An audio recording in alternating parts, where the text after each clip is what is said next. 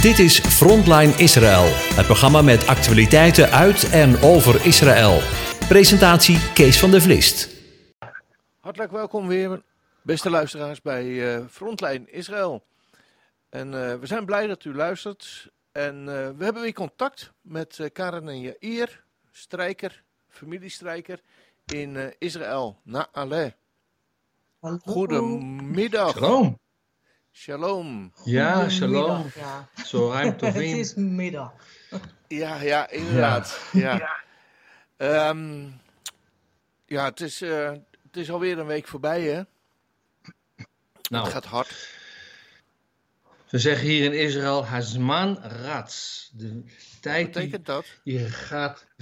Hazman Rats, oh, de rats betekent eigenlijk rennen. De tijd die rent voorbij.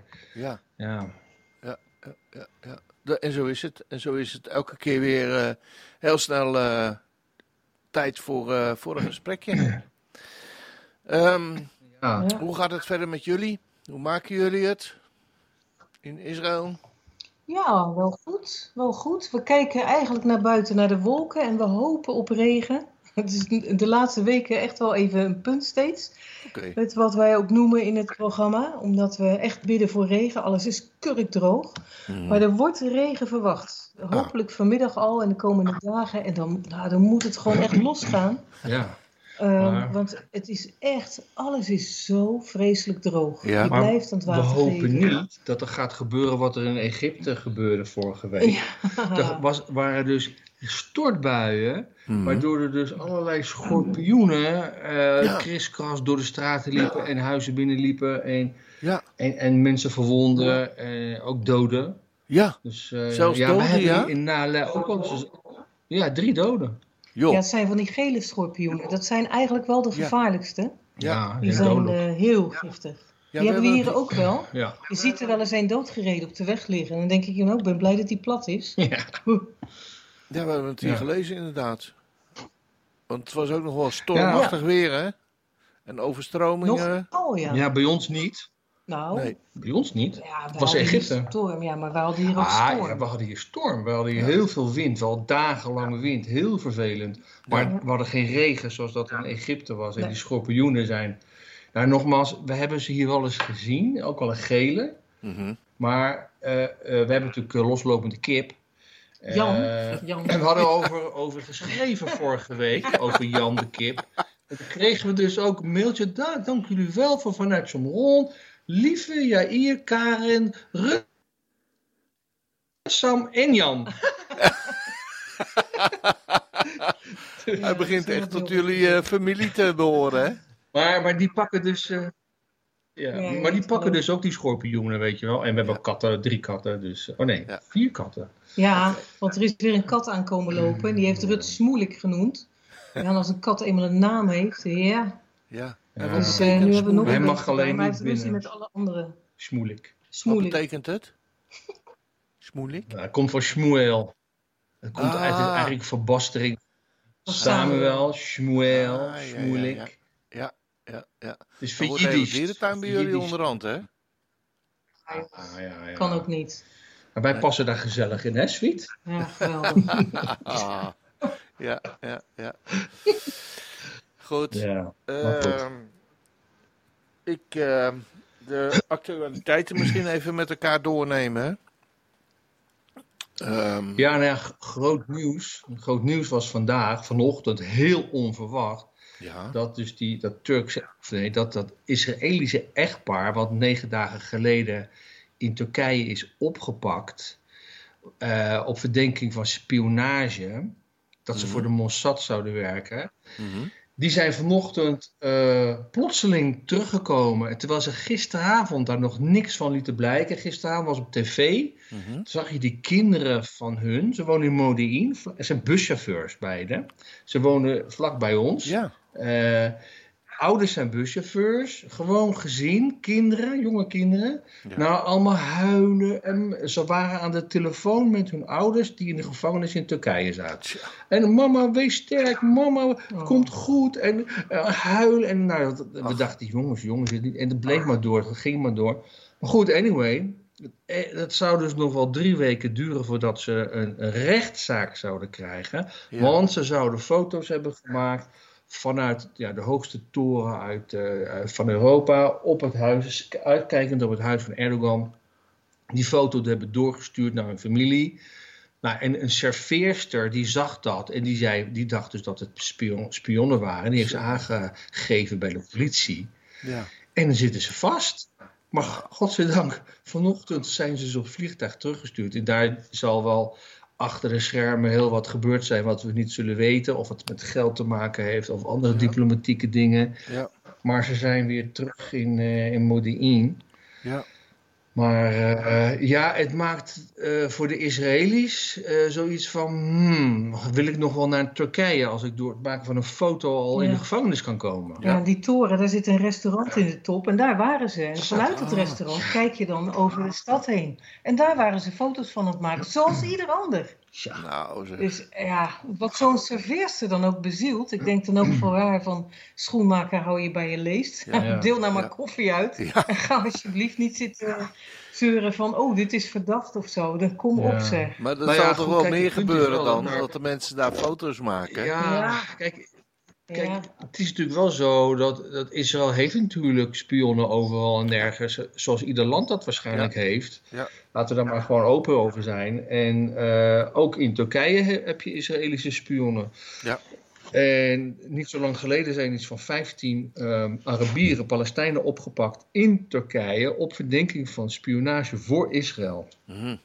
Dat is natuurlijk niet erkend door Israël en dat Nee. is allemaal nog een behandeling. Maar Ja. ja. in het verlengde daarvan is dit verhaal denk ik ook ontstaan.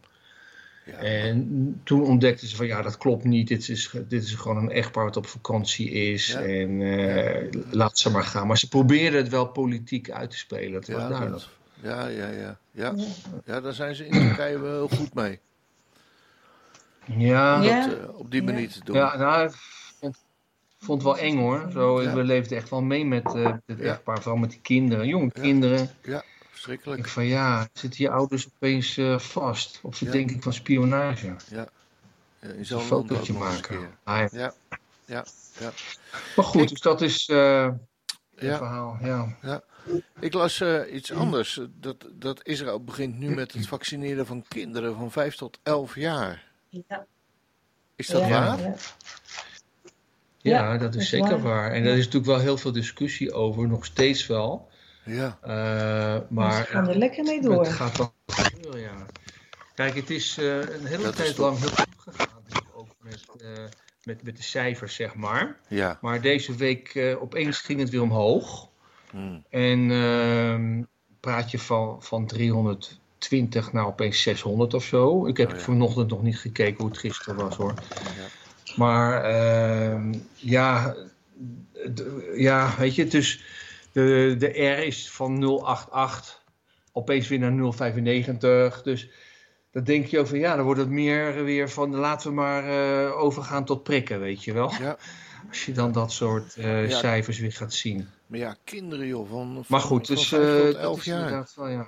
Ja, dat is heftig. Ja, ja, ja, Ja. en dat, dat eh, is toch wel, eh, ja, ik vind dat wel heel even, dat roept bij mij heel veel vraagtekens op. Ja, ja, ja. Maar goed, Ja. Dat zei zo. We moeten ermee leven. Hè? nou, ik vind het, ja, dat is maar de vraag. Ik, ik vind het gewoon, ik vind het onverantwoord. Maar goed, Ja, maar dat ik ben bedoel- ik, ik mag dat gelukkig zeggen. Ja. Maar, eh, Ja. ja. Maar ik bedoel van, Kijk, als ehm, je, we, hebben, we hebben ermee te dealen. In die zin bedoel ik het. ja, Ja. we hebben ermee te dealen. Kijk, als het voor, voor de, hele, de oudere, wat zwakkere mensen vind ik nog een ander verhaal.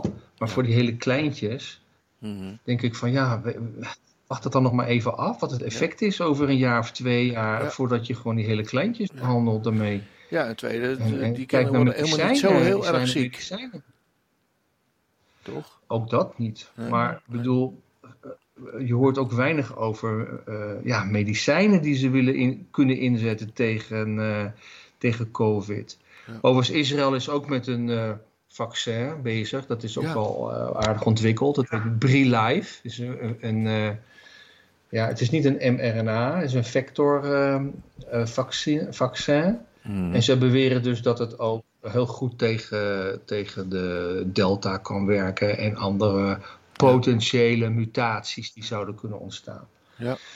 ja. Maar ja. Maar goed, wij hebben hier in Israël niet zoveel te maken met, met beperkingen. Nee.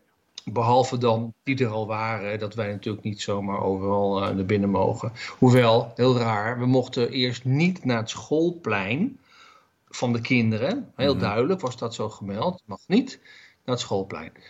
Uh, maar aanstaande zondag hebben we een gesprek op school met, Ja. met de ja, verantwoordelijke van, van, uh, van de klasse van Rut en Sam. Ja. En mogen we dus wel op school komen opeens. dus ja. Ja. Ja, je beetje snapt er soms inconsequent dan, hè? wat Dat is een Ja. beetje inconsequent. Ja. Ja. Klopt. Dus, eh, maar goed, dus eh, dat gaan we maar doen. Ja. ja. Hebben jullie nog meer nieuws te melden?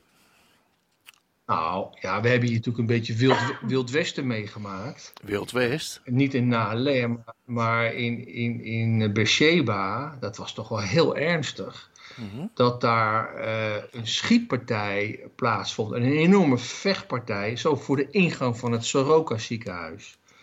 En eh, kijk, Beersheba ligt natuurlijk in, dat is de hoofdstad van de Negev. Ja. Dat is een grote stad. eh, ik dacht de vierde grootste stad van Israël, zoiets. En ehm, eh, ja, de universiteit, de Ben Gurion Universiteit, heel veel research laboratoria zijn daar. Maar het is toch een beetje achtergebleven gebied. En ja, de grootste Bedouinenstad van Ja. Israël, de hoofdstad van de Bedouinenstad, Rahat, dat ligt er vlakbij. En ook nog wel andere Arabische dorpjes. Maar de- er is gewoon veel criminaliteit.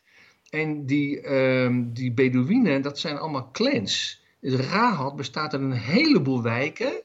En dat zijn allemaal eh Bedouinen clans. Iedereen heeft zijn eigen wijk. En die hebben regelmatig ruzie met elkaar. En dat werd dus uitgevochten voor de deur van het ziekenhuis. Met pistoolschoten, met stenen, met stokken. Op elkaar inslaan. Gewonden. Israëli's die vluchten allemaal de, de, eh, de, de Maimon, wat is dat? De, De eerste hulp. eerste hulp in. Op zich wel handig, het was wel dichtbij. Maar zoiets, Oh. nou, zoiets was dus nog nooit. Het is echt schandalig Ja. dat zoiets voorkomt bij een ziekenhuis. En dat, ga- ga ergens op je eigen land eh, ruzie lopen maken met elkaar. Maar ja, dat, en, en er zijn dus heel veel berovingen daar. Eh, ja, de daar meisjes op straat worden echt bedreigd. Ja, het is geen veilige plek. Dus ik hoop dat Israël dat nu gewoon, eh, de regering a- dat aanpakt. En die Negev Mhm. gewoon wat meer politie neerzet. Ja. Maar goed, dat was dus ook wel groot nieuws eh, deze Ja, ja, ja, ik ben er wel eens geweest, want er is ook een hele grote Bedouinenmarkt, hè? Ja, dat is leuk op donderdagochtend. Ja, De kamelenmarkt. De kamelen, Ja, de heel kamelenmarkt. Ja, heel ja. leuk. Als je Ja. vroeg genoeg komt, dan zijn de kamelen er nog. Dan moet je er ik nog voor zessen zijn. ja je moet er heel vroeg zijn, ja. Ik, ik, Ja. Ja, dat is niet mijn sterkste punt zo vroeg, maar Nee. dus ik was te laat. Maar in Maar wij hebben nog ook een Ja. hele mooie koperen pot hebben we daar, eh, toen Ja. we daar woonden, gekocht. Die Ja, staat nou weer steeds. mooi hier. ja, Echt eh, prachtige mooie koperen oude koffiepot. ja, Maar eh, Ja. Nou, het, het is absoluut mooi die sfeer. Rahat, ja, mijn zus woont er eigenlijk zo'n beetje naast. ja, En eh, ja, daar, ben ik ook al een keer geweest. Maar dat is niet altijd even veilig hoor. Toen eh, nee we net Alia hebben gemaakt, dat is, dat is Uh-huh. aanstaande maandag geloof ik, acht jaar. Ja. Toen ging Karen naar de uh, Ulpan. Nou, vertel jij maar, je, je kon niet langs Raad rijden. Ah ja, toen was er net weer de, ja, allerlei ellende met oorlog en zo Gaza. Bij, eh, bij Gaza. En toen kon ik inderdaad niet langs Raad. Er stonden grote borden, dood aan de Joden. En ze Oh, gooiden allemaal stenen, dus ik moest helemaal om. ja. En eh, dat scheelde een heleboel, eerlijk Ja. gezegd. Ja. Ehm, niet dat dat zo gaat, want welkom, dat hè? gebied daar is zo mooi. Ja. Nee, je voelt je niet bepaald welkom. Nee, nee maar Raad, dat is ook bekend. Daar zitten eigenlijk wel die, die Hamas-cellen, die zitten daar. Die, die, die officieren en dergelijke van Hamas, die schuilen daar ook allemaal. Het Ja. is echt... eh, Het is, het is eigenlijk een soort hoor. gebied waar je niet makkelijk binnenkomt. Nee. En, en eh, waar de politie ook niks te vertellen heeft. En wat ik al zei, allemaal clans die in eigen wijkjes wonen, maar ook hele luxe wijken. Je moet niet denken dat het allemaal uh, van die ijzeren huisjes zijn of zo. Nee, uh, nee. nee dit is echt uh, villa's en er ligt echt geld op straat, zeg maar. Ja. Ja, en, maar er zitten dus ook een heleboel illegalen die uit Jordanië gewoon daar binnenkomen. En ja, wat zit er allemaal? Ja. Maar goed, dus helaas ook veel criminaliteit. Ja. En uh, ja, daar heeft Israël regelmatig mee te maken. En, en, dat Hamas, dat, dat groeit ook waar wij wonen. Die, die groepering die groeit ook hier in, in, in Samaria en Judea. Er was een, onlangs een begrafenis. Waar ook allemaal van dat soort Hamas-lui uh, allemaal openlijk hier rondlopen. En gisteren was ook nog een aanslag in Jeruzalem. Ook een, jongen van 16 die dan ook, ook zo'n Hamas-jongen. En die, ja, die stikt dan in op uh, soldaten, vrouwelijke soldaten en een, en een man. Uh, maar goed, hij, heeft, hij kan het niet navertellen. Die jongen is zelf erbij omgekomen. Maar uh, denk ik ook, dus ja, 16 jaar. Mijn zoon zag het vanmorgen op televisie, Sam. Ja. En die zei, jongen, 16. Hij is dan zo, Sam is zelf 16. uh, ook 16. Ja. En dan denk ik van ja, ja Sam, dat, dat soort jongens worden dan gewoon geïndoctrineerd van die joden moet je doden of zo. En, uh, en dan zie je hem ook lopen, hè, dat jongetje. Mm. Uh, en dan die soldaten lopen dan en dat jongetje, opeens draait hij zich om en steekt hij zo achter, van achter in de nek. Of aanvallen van achter. Dat is typisch Amalek, zeg maar. Ja. Die valt ook de achterhoede aan. Ja, Zo typisch, gewoon zwakke punten uh, zoeken. Bah. Ja. Ja. Ja, triest. Triest ook voor de familie van zo'n jongen. Denk van ja joh, nou, je bent je jongen kwijt, maar ja, je hebt het wel, de jongen niet goed opgevoed. Nee. En, uh, Nee. Maar ja. Ehm, iets anders wat mij opviel eh, vandaag, en dat las ik eh, ehm, op de website van Israel Relief Aid, dat er een schatting 850.000 staat, er stond er, huishoudens in Israël geen fatsoenlijke huisvesting, onderwijs of gezondheidszorg en voedselvoorzieningen hebben. Is dat inderdaad zo, Mhm. zo groot? Uh, nou ja, er is hier heel veel armoede. Ja. Dat, dat, is, dat is zonder meer waar. En zeker in het zuiden. En uh, ook vooral binnen de, ja, de religieuze groeperingen. Ja. Ook, uh, wij wonen dus vlakbij Modi'in. En Modi'in Elite ligt daar nog tussen. Nou, dat is de Ja. armste stad van Israël. Ja. En ja, dat is hoofdzakelijk uh, ultra-orthodox. Ja. En dat is, dus ja, eh, die hebben echt uh, de, weinig voorzieningen. Die worden dan wel uh, gesteund vaak door uh, Chabad uit Amerika. En Ja. ze houden nog net het hoofd boven het, ho boven het water. Maar er is heel veel armoede. En dat Ja. is ook Maar een hoe, beetje, ja. Hoe, kom- hoe komt het dan dat met name onder die, onder die ultra-orthodoxe zoveel armoede is? Nou ja, kijk. Die, men meer dan men werkt. Het is dus heel vaak je? zo. Grote, grote gezinnen. Ja. En wat jij Ja, zegt. men bidt meer dan men werkt. Ah, Het, het- het- als je de, de serie Stiesel ook wel eens hebt gezien, ja. dan zie je dat ook. Hè? Dat is bijvoorbeeld die jonge mensen, die worden echt door, die, door zo'n moeder aangewezen. Jij moet studeren. Jij gaat studeren. Ja. En dat is het allerbelangrijkst. En op zich is dat natuurlijk wel, wel mooi. Alleen, ja, hoe kom je dan, Hoe hoe kom kom je, je dan aan aan, aan eten? Weet je wel? En dat is, in die kring is dat zo belangrijk om eh, te bidden en te studeren en in de synagoge te zijn. Dat, eh, ja, het is misschien ook op een bepaalde manier wel een soort gave van armoede. Om, eh, om dat echt voorrang te geven, Ja. boven dat, dat je inkomen hebt. Ja. En er zijn natuurlijk grote gezinnen. En ja, ze dragen elkaars kleren af. En het is vaak echt armo- armoedig.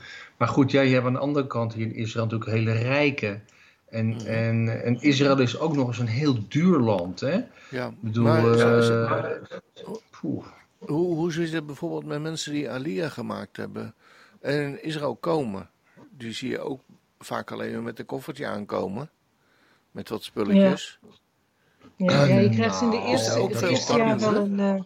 eh, Dat valt wel mee volgens mij Ja? hoor. Ik bedoel, Ja, je, kri- je krijgt ja. wel een, eh, een toelage. Het Mhm. eerste jaar krijg je wel iets en dan, ja, dan moet je zo snel mogelijk naar uh, Ulpan noem je dat dan, de taalschool, om de taal te leren. En dan aan het werk, zo snel als je maar kan.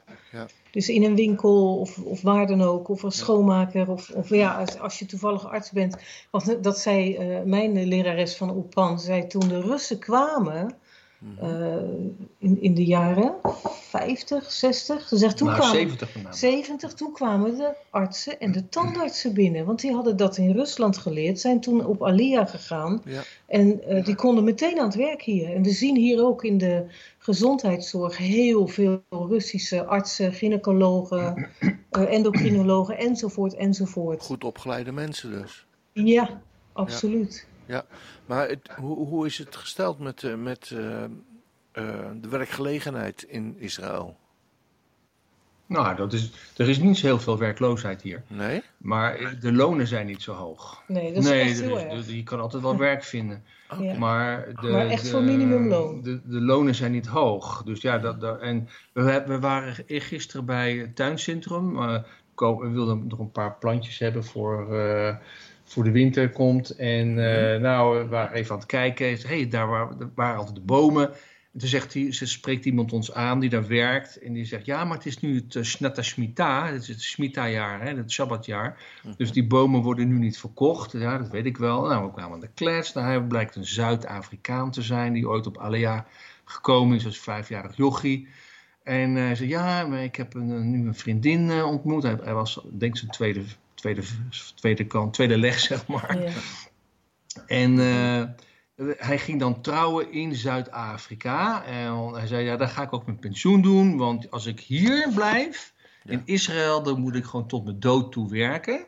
Maar in Zuid-Afrika kan ik gewoon met pensioen gaan. Dus ja, dat geeft ook wel een beetje aan van, het uh, is gewoon hier geen, uh, hoe noem je dat? Geen Gan Eden uh, op dit moment, geen, geen paradijselijke omgeving. Nee. Uh, wat betreft uh, werken. Je moet gewoon uh, hard werken. Ja.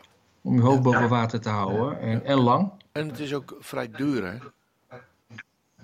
Alles is duur. Echt, alles is duur. Zelfs de IKEA, dat als we, ons uitje is soms naar IKEA. Dat is ons, ons vakantiedagje. Wij zijn zo fantasievol zijn wij. Ja. maar dan gaan we in iedere bank zitten, weet je wel. Oh, iedere bank en dan, zitten. maar goed, als je dan... Dan stuur ik wel eens een foto naar familie in, uh, in Duitsland uh, of in Nederland. En dan uh, zeg ik van, kijk eens, deze bank kost sowieso veel. Nou, is het altijd iets van 20 tot 25 procent duurder ja. dan diezelfde bank die jullie dan in Nederland kopen of ja. in Duitsland. Ja. Alles is duurder. En, maar ook, ja, zoals tomaten en zo zijn vaak wel goedkoper. Heel veel fruit. Ook dat is duur. Het is gewoon een duur land. Ja, maar hoe, hoe komt dat dan? Ja, zit er huizen zoveel, zijn zit er, zoveel, zit er zoveel belasting op dan? Want de lonen zijn laag. Op Lonen zijn we 20 laag. procent, hè? De vat is 20 procent, in Nederland 21. Maar alles moet via Ja. containers binnenkomen of via vliegtuig. Ja, en ik denk Eh, ook, er wordt gewoon ontzettend veel aan defensie uitgegeven. En ik Ja. denk dat dat ook een, een grote, ja, een grote post is, kostenpost is, waardoor dingen ook duurder gewoon zijn. Deze week was er ook een gedoe op, in, de, in de media over dat uh, Rami is zeg maar de supermarktwinkel die uh, het goedkoopste eigenlijk wel is. Daar gaan we ook wel heel veel heen. Uh, niet altijd de beste spullen, maar die werd dan aangeklaagd omdat hij zo met andere prijsafspraken hebben gemaakt. Hmm. Waardoor dus de prijzen te hoog zouden zijn en de boeren gewoon te weinig krijgen. Ja. Want die klaagden van ja, wij krijgen te weinig en jullie gooien de prijs omhoog. Ja. Dus ja, er zit natuurlijk ook uh, een heleboel geldjongens tussen. Ja. En Ja, ja, uh, zoals het, is gewoon? Dat zit overal. Ja. En ja, hopen dat het gewoon weer, uh, dat het goedkoper mag gaan worden hier. Want Ja. het is voor heel veel mensen dus niet te doen om Nee. iets te kopen. Nee, nee. En, eh, ik Vandaar die armoede mensen die soms twee banen hebben. Ja. Ja, Of meer? Of meer. Ja. Ja? Die zitten in de bus van de ene naar de andere plek zitten ze te slapen. Tja. Onze Om buren? nog bij te komen. Onze buurvrouw ook. Die begint om vier uur s'nachts, staat ze op. Om vijf uur gaat ze weg.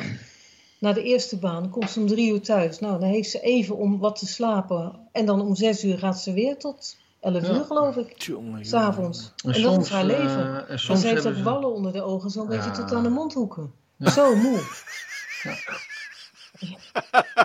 Nou, nou overdrijft hij wel een beetje. Ja, het is wel Jij- zo. Kun je een fotootje van me opsturen? dat. dat wil ik zien. jongen, jongen. Nou ja. Ze heeft Maar, mannen eh, Ja, hoe komen ze rond? Nou, Nou ja, goed. Eh, soms moet, lenen ze een heel klein, eh, klein bedragje van ons. Omdat Ja. hebben dat ze weer een, een bruiloft of zo. En dan, of dan hadden ze onlangs een Brit Mila van een Ja. eh besnijdenis van een, van een kleine zoon. Ja. En dan vroegen ze een klein bedragje. Ja. En, eh, maar dat geven ze altijd dan wel eh, binnen een maand of twee terug. Trouwens, Ja. we krijgen nog dat. Ja, we krijgen dat nog terug, maar dat geeft Maar dat doen ze wel. Ja, en dan, Ja. dat is dan ook zo, want dat stipt Jair nu aan. Van ja, dan hebben ze weer een bruiloft. Want hoe mensen hier onder druk gezet worden door elkaar eigenlijk. Want een bruiloft, nou, daar spaar je eigenlijk hè, je hele leven voor. Voor de bruiloft van je kinderen. Ook voor hun bar of bad mitzvah. Dat zijn Mhm. kosten. Nou, je wil niet weten. Er wordt een hal afgehuurd en Ja. iedereen mag komen. Ja. Nou is het wel zo dat als je naar een bruiloft gaat, als je wordt uitgenodigd, dan betaal je daar eigenlijk voor je eigen Ja. eten. Dus je neemt echt een paar honderd shekel mee Ja. als cadeautje voor, eh, Voor het eten. bruidspaar. En ja, daar betaal je je verblijf mee. Ja, maar ondanks dat, het is allemaal zo duur. En ik denk, waarom zetten ze elkaar zo onder druk? Ja. En het is allemaal hetzelfde. Het is heel veel eten. Het is keiharde muziek. En eh, een hoop geschreeuw en een hoop gedoe. En ik denk, ja, maar waar gaat het nou nog om? En Ja. dat je toch die verbintenis voor Gods aangezicht doet. Ja. En eh, eigenlijk bij elke bruiloft waar we dan wel eens orthodoxe is waren, wel is, anders, allemaal hoor. hetzelfde. Bij orthodox is het inderdaad anders. Orthodox is Het heel is eigenlijk anders. een stuk vrolijker nog. Hm. Maar eh, de minder orthodoxe, dat is vaak toch keiharde popmuziek, zeg maar. Ja. Alles Nou, dansen. meer van die Ja. Sephardische muziek. Ja, die Sephardische, ah, ah, ah, weet je wel? Die, dat soort. En dan, dan zit dat je aan nooit meer tafel doen met in een de- heleboel mensen. Maar je kunt niet met ze praten, want je, je wordt gewoon helemaal overstemd door die herrie. En sowieso kun je niet praten, want je wordt apart. steeds met eten volgestopt. Het is niet te geloven gewoon. Ja. Hoeveel kun je Ja. op? Ja. En dan denk ik, waarom doe je dat? Wat kan een mens in zijn maag hebben? Ja. Ja, En- iedereen heeft plastic zakjes mee en die heeft gewoon een doggybag Ja, mee. dat naar huis. zouden wij doen in Nederland. maar het is bizar gewoon. Echt bizar. Ja. Gewoon drie Ja. hoofdgerechten. En zalm, en kip, en biefstuk. Ja. De duurste dingen. En wie kan het allemaal op? Het gaat allemaal weg. Nou, onze kinderen moeten maar in Nederland trouwen, vind je ook niet? Ja, iets goedkoper. Gewoon aan het strand of zo. Weet Ik zou, wel. ik zou nog even kopen. wachten.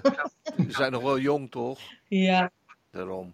ja, 18 Ruud en is 16. 18 en heel Ja. knap. Ja. Ja, ze worden hier wel gezien, ja.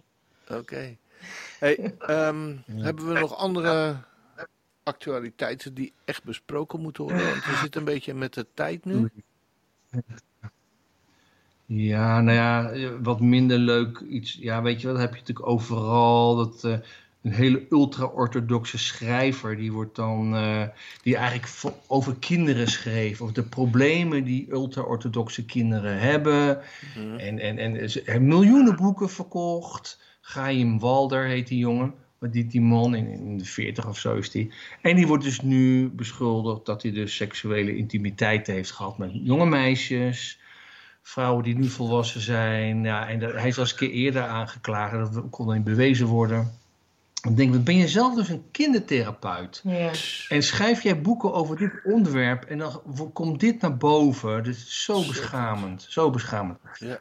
Ik, Ja, en nou goed, we mogen hem nu nog niet veroordelen omdat hij nog niet voor de rechtbank is geweest, maar dat komt snel. Maar ik denk dat dit gewoon, ja, er zijn echt al boekhandels die zijn boeken eruit hebben gehaald. Ook in Amerika. En eh, ja, het is, het is wel heel, heel eh, ernstig als dit zo eh, is, zoals ik het zeg. Ja. Ja, Snap ik. Erg. ja maar goed, voor Goed. de rest, ja. Goed. Nou, voor de rest, als mensen nieuwtjes willen weten over, eh, over dingen die in Israël gebeuren en wat jullie meemaken, hè, dan eh, Mhm. kunnen mensen zich eh, aanmelden voor je nieuwsbrief. Tuurlijk.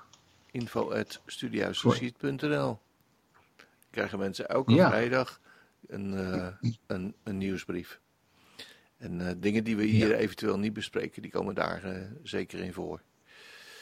Goed, weet je, dan eh, eh, houden we dit gedeelte eventjes eh, voor wat het is nu. En dan eh, gaan we nu even naar de muziek.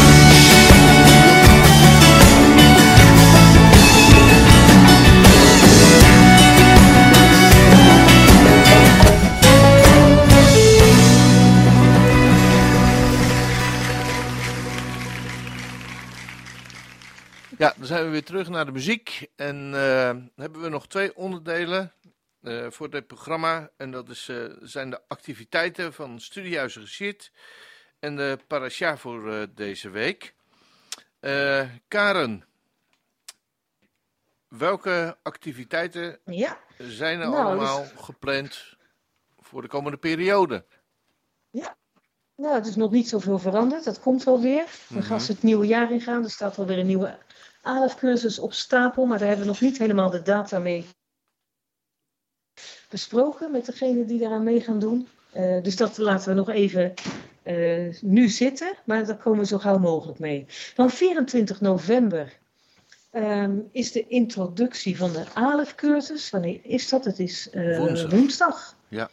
Ja, aanstaande woensdag. Dus wie eh, daarover denkt om de ALF-cursus Hebreeuws in zes dagen te volgen, Mhm. ehm, die kan een introductie eh, volgen, gewoon vrijblijvend en gratis. Van is dat wat voor mij of niet? Ja. Er hangt helemaal niets aan vast. En het is heel erg leuk. Ja. Het is echt leuk. Ja. Je kunt er nog mensen bij hebben? Ja hoor, Goed ja, zo. zeker. Super. Om half acht. Al onze avonden beginnen om half acht Nederlandse tijd. Ja. En dit duurt ongeveer een uurtje of misschien iets minder. Ja. Maar gewoon even kijken. Ja. En dat is hartstikke leuk. En dan 28 november, wat ook echt een aanrader is, dat is zondagavond, Mhm. is het webinar over Hanukkah. En Oh, dat hebben we al gegeven in privékring. Heel leuk in de Molukse groep. Er is een, eh, dat is heel bijzonder. Er is een Molukse stichting, eh Maluku voor Israël. En die, dat zijn echt Molukkers die eh, om Israël geven. En ik vind dat zo mooi. Mhm. En in die groep hebben we les mogen geven en dan voel ik me zo vereerd. dus eh, dat was mooi. En dat gaan we 28 november weer doen. Voor wie wil, stuur ons even een mailtje. Weet vaak wel eh, de procedure. Stuur even een mailtje. Wij sturen de link de dag van tevoren. Mooi. Ehm, en dan, dat was dus 28 november. Mhm. Dan 9 december, dan herhalen we de tour van Jeruzalem. Dat is op donderdag. Donderdag 9 december. En dat is ook echt mooi. En daarin eh spreken, oh nee, spreken we niet met Jennifer. Daarin, eh, in die tour is dus het, eh, het werk ook aan de Chamber of the Holocaust. Het kleine museum, memorial. Eh, daar laat ik zien hoe we de stenen opgeknapt hebben met een team van boete en verzoening.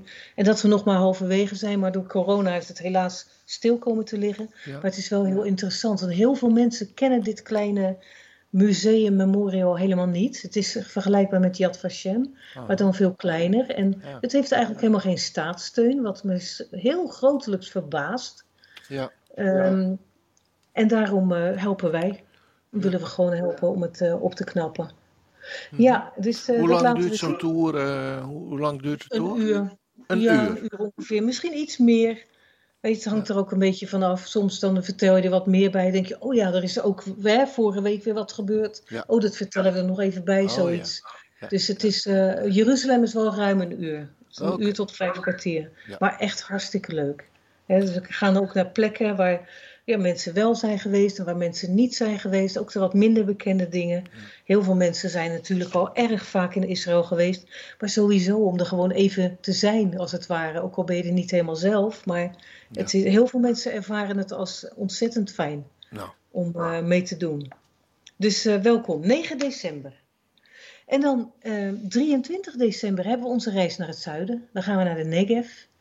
En eh, dat, eh, dan gaan we dus proberen met de soldaten te spreken. En ja, laten we van alles zien. Is erg uh, aan te raden ook. Goed. 23 december. En dan 4 januari ga ik Psalm 20 uitwerken vanuit het Hebreeuws. Ja. Dus dat is ook altijd leuk. Dit is, dit is weer nieuw. Het is niet een herhaling. Het is weer een hele nieuwe psalm. Uh, zal ook in tijdstip verschijnen. Tijdstip komt nou deze week of begin volgende week op de mat te liggen bij de mensen. En uh, die ga ik dus uitwerken. En dat is uh, ook vrijwel live natuurlijk op Zoom. Dus dan kunnen mensen ook vragen stellen. En uh, dat zal ook ongeveer een uurtje duren. Ja, nou, prima. Er zijn ja, toch weer best wel veel activiteiten die, uh, die jullie weer oppakken en waar jullie mee bezig ja. zijn. Hè? Ja, en nou, in januari vult zich de rest wel weer in. Dan, ja, we blijven toch aan het werk, we blijven aan het studeren. Ik ben nu zelf trouwens bezig met een studie over de twaalf zonen. Ik dacht, dat wil ik toch ook eens uitwerken, ook vanuit uh, het Hebreeuws. Mm. Wat betekenen hun namen en ja, hoe zit het met hoe ze optrokken ook. Hoe ze als het ware in de woestijn stonden om de tabernakel heen. Ja. En ja, hoe zit dat? Hoe, hoe verhouden die, die broers zich tot elkaar? Kun je daar iets uithalen? Ja. En wat halen we uit het Hebreeuws? Dus, maar dat is een hele lange studie. Ja. ik ben met Ruben begonnen en daar ben ik nog mee bezig. ja, dan heb je nog elf te gaan. Begin, ja, daarom. Ja, ja, een groot gezin. Ja. Goed, nou, willen mensen meer weten over Studiehuis Receipt of uh, nou, de activiteiten die, uh, die geweest zijn, dan, uh, dan kunnen even een mailtje sturen naar info.studiehuisreceipt.nl. Ja. En dat geldt ook voor de nieuwsbrief, die elke vrijdag uitkomt. Ja. Hè? Nou, ja, alles we is... steeds meer. Ja, ja, mooi. met deze nieuwe manier dat jullie ons helpen of dat jij ons helpt met de nieuwsbrief uh, uh, te versturen en dergelijke. Ja, het is natuurlijk een hele andere opzet. En je merkt dat je steeds meer gaat schrijven.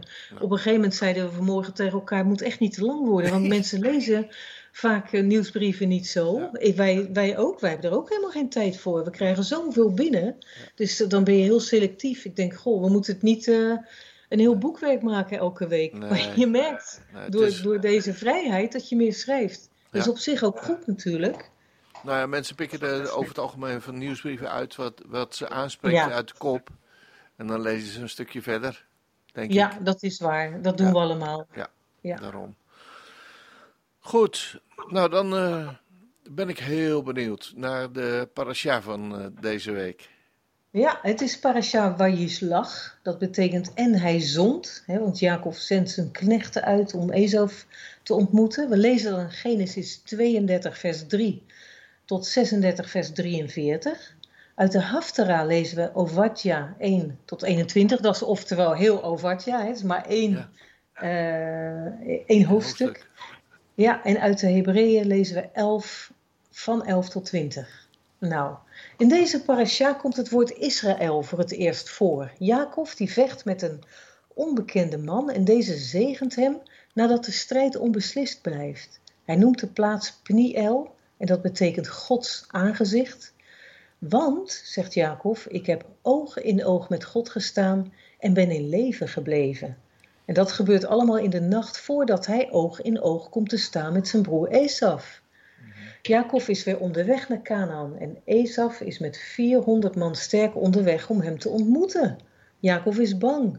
Hij bidt tot God dat Esaf niet vrouw en zonen zal slaan, welke laatste natuurlijk zijn zaad zijn. Het is in die tijd alom bekend dat de kracht van de man, die ligt niet in zijn ja, vermogen tot reden, niet in zijn hersens en niet in zijn spieren, maar juist in zijn zaad, in zijn vermogen om zich voor te planten, om zonen te krijgen. Zaad is in het Hebreeuws het woord zera. Uit dit woord kunnen we een ander woord nemen, het woord voor kracht, oz. Het komt voor in het woord zera en dat is dus geen toeval. Dan in vers 21 zegt Jacob tot zijn knechten die hij vooruitstuurt met vee, dat ze moeten zeggen tegen Esaf, zie uw knecht Jacob is achter ons. Maar hoezo knecht? Had niet hun vader Jitschak juist Esaf, de knecht van Jacob, genoemd in de zegen die hij meekreeg? Hij zegt hier, Esaf zal onder het juk van Jacob zijn. Dat heeft hij gezegd. Jacob moet echter nog wel in die bevoorrechte positie gaan staan. En dit geldt ook voor de staat Israël, dat heden ten dagen ook onder het juk van Edom vandaan moet komen. Mossera is het woord voor juk. En dat heeft verband met Musar, tucht. En daar gaat het precies om. Door het voorbeeldvolkje uit het zaad van Abraham, Jitschak en Jacob wil God de wereld onder zijn tucht brengen. En daarom heeft men in de wereld zo'n hekel aan Israël. Men wil zich verzetten tegen deze tucht, die tucht van God. In Psalm 2, vers 3 staat dit dan ook over de vorsten der aarde die zeggen: Laat ons hun banden verscheuren en hun touwen van ons afwerpen, bedoeld tegen God en het volk van God. Hoe dan ook, Jacob is bijzonder nerveus voor de ontmoeting met zijn broer. Echter, deze sluit hem huilend in de armen. En daarna gaan ze weer uit elkaar, omdat het land te klein is voor hun vee. Esaf trekt weer terug naar het gebergte Seir, bij het huidige Eilat in uh, Jordanië. Jacobs dochter Dina wordt verkracht door de Giviet Sichem. Haar broers nemen op een wel heel bloedige manier wraak door alles wat mannelijk is van de Givieten te doden. Jacob zal later hun woede vervloeken. Dat vinden we in Genesis 49, vers 7. God zendt Jacob naar Bethel om een altaar te bouwen. Zijn hele huishouding gaat mee om zich daar te vestigen. En ieder moet zijn afgodjes inleveren. Deze worden weggedaan, begraven onder de eik bij Sichem, het huidige Nablus. God bekrachtigt hier opnieuw zijn belofte. Drie doden heeft het volk te betreuren. Devora, de voedster van Rivka, sterft op hoge leeftijd. Ze wordt begraven onder een eik in een dal beneden Bethel. Ze moet heel geliefd zijn geweest, want de eik wordt vanaf dan de eik van het verdriet genoemd, Alon Bagoed. Rachel sterft onderweg naar Bethlehem tijdens de bevalling van Benjamin en wordt langs de weg begraven. En ook Jitschak sterft daarna, op 180-jarige leeftijd. Jacob en Esaf begraven hem samen. En hierna volgt de opzomming van de zonen van Esaf. En dan naar Obadja, Ovadja eigenlijk, oftewel dienaar van God, Ovad, ja, ja van Yahweh of Jehovah of hoe we dat ook wel eens uitspreken. Kunnen we eigenlijk niet uitspreken, de naam van God. Moet het eigenlijk uitspreken als JHWH. Maar in ieder geval is Ovadja zijn dienaar. Hij profeteert dat de redders, oftewel de Messiassen, de Moshi'im in het Hebreeuws, dat die de berg Sion zullen bevrijden. En deze Messiassen waren eerst ballingen die terugkeren. God spreekt woedend tegen Edom, de nakomelingen van Esaf, die lachen om de rampspoed voor het volk Israël. God belooft aan Edom om hetzelfde met hem te doen als wat hij aan het Joodse volk heeft gedaan. En hier gaat het ook om de heidenen. Het volk van God zal Sion erfelijk bezitten. Ovadja spreekt zeer, maar dan ook zeer streng tegen Edom, als nazaat van Esaf. En we zien duidelijk dat het hier gedeeltelijk gaat over dingen die ook nog moeten gebeuren. En wat herkennen we ook christelijk Europa? Als we kijken naar de houding van christelijk Europa in de Tweede Wereldoorlog. Als we dat zien in deze woedende tirade in Ovadja in de versen 11 tot 16. Het heeft allemaal kunnen gebeuren omdat Europa zich stilhield in de tijd van de nazi's. Vele onderduikers zijn verraden en alsnog aangebracht en vergast. Zo zien we dat ook in vers 14. Velen zijn uitgejouwd toen de oorlog eenmaal voorbij was. En aan de Joden die nog over waren, die uit hun schuilplaatsen tevoorschijn kwamen, daar werd gezegd: Oh, die Joden zijn ook weer uit hun holen gekropen. Maar dat is niet het enige. Het Nederlandse Rode Kruis heeft niemand opgehaald uit de kampen. Jullie kunnen dat eind vanuit Polen naar Nederland best lopen. En andere Europese landen hebben dit kleine godsvolk letterlijk laten verzuipen op de gammele broodjes richting Israël. Ze werden zelfs vanuit Cyprus doodleuk door de Engelsen teruggestuurd, richting Duitsland, terug de kampen in, na alle verschrikkingen die ze daar al hadden meegemaakt. Degenen die daarvoor verantwoordelijk waren, die zullen hier nog rekenschap voor moeten afleggen voor Gods troon. En dan de Hebreeënschrijver, die spreekt over de wolk van getuigen, die bleven geloven in Gods belofte, ook al zijn ze gestorven, zonder dat ze al die beloften in vervulling hebben zien gaan. De schrijver biedt troost. Wie werkelijk gelooft dat God degene is die we echt kunnen vertrouwen in alle dingen en wie zijn naam aanroept, die zal verlost worden. neem een voorbeeld aan deze getuigen. Shabbat shalom. Ja, dankjewel uh, Karen. Ja, ik merkte dat het... Uh, Graag gedaan. Ja, ik, ik merkte dat met name een gedeelte over uh, op, uh, Ovatia, wat je vertelde over... ja. ja, dat emotioneert je, hè? Ongelooflijk. Ja. Altijd weer. Ja. Ja, en dat zijn maar twee verhaaltjes Ja. die al zo groot zijn. Ja. En als we weten wat er allemaal nog meer is gebeurd. Laatst zagen wij ook weer over een arts die werkte in een wat minder bekend kamp, maar die zo verschrikkelijk, verschrikkelijk is tekeer gegaan. Dat was dan de slagen, ik geloof de slagen van Mauthausen. Nou, verschrikkelijk. En daar wist je niks van. Maar inderdaad ook eh, wat ik zei over dat er gezegd werd, de Joden zijn ook weer uit hun holen gekropen. Dat is dus een vriendin van Jair overkomen, die dus als jong meisje weer eh, op straat liep na de oorlog. En dat werd over haar gezegd. Wat vreselijk. Ja, je kunt nauwelijks indenken. Ja, Ja, die strijd Ja, tussen... eh, de dus, belasting die betaald moest worden in al die jaren dat ze in de kampen zaten. Belast- Ja, joh, het is toch verschrikkelijk. Het is niet alleen de nazi's geweest, maar de, of je komt terug thuis en iemand eh, die staat, eh, die doet jou open, die staat in jouw kleren en die zegt dat je weg moet wezen. Terwijl het jouw huis is en ze hebben jouw kleren aan. Nou, hoe- hoe kan het? Ja. Ja, en dat is typisch Edom, hè? Van je maakt het erger. Je staat erbij te lachen bij de rampspoed van die ander. ja, en zo, Is Ja. het, zo is het nog. Ja, Die strijd tussen eh, Edom en, Ja. eh, Ja. en eh, het Jodendom. eh, de, de nakomelingen, eigenlijk zijn zaad. Hè? Dat, Ja. die, dat vindt nog steeds Ja. plaats. Maar goed, eh, Ja. Nou, ik moet zeggen dat wij ook aardig kapot zijn van wat er nu eh, aan de grens met Polen gebeurt. Ja. Als je dit dan allemaal hoort. Ja. En dan, dan hoor je ook, vanmorgen hoorden we een, eh, een interview, een, een journaliste die was daar en die interviewde allerlei mensen. Ook zo'n joch van 15 die probeert naar zijn broer in Engeland te komen. En ja, die komt er gewoon niet door. Want ja, er wordt ze van alles voorgehouden. Hè, de, de vader die heeft zijn land verkocht. En dan heeft hij geld om de reis te betalen. Grote reisbureaus die gaan erin mee. Die eh, bieden aan van we vliegen je naar Minsk. En, eh, en dan, dan sta je aan de grens met Polen en je komt er niet in. Ja. En dan denk ik, wat hebben ze die mensen nou beloofd allemaal? Ja. Wat, wat die landen, die EU-landen ook helemaal niet waar kunnen maken misschien. En en die mensen staan daar met kleine kinderen. Het is inmiddels ijskoud, onder nul. En dan zitten ze dan op een veldje. En eh, nou, ik moet zeggen, het breekt mijn hart.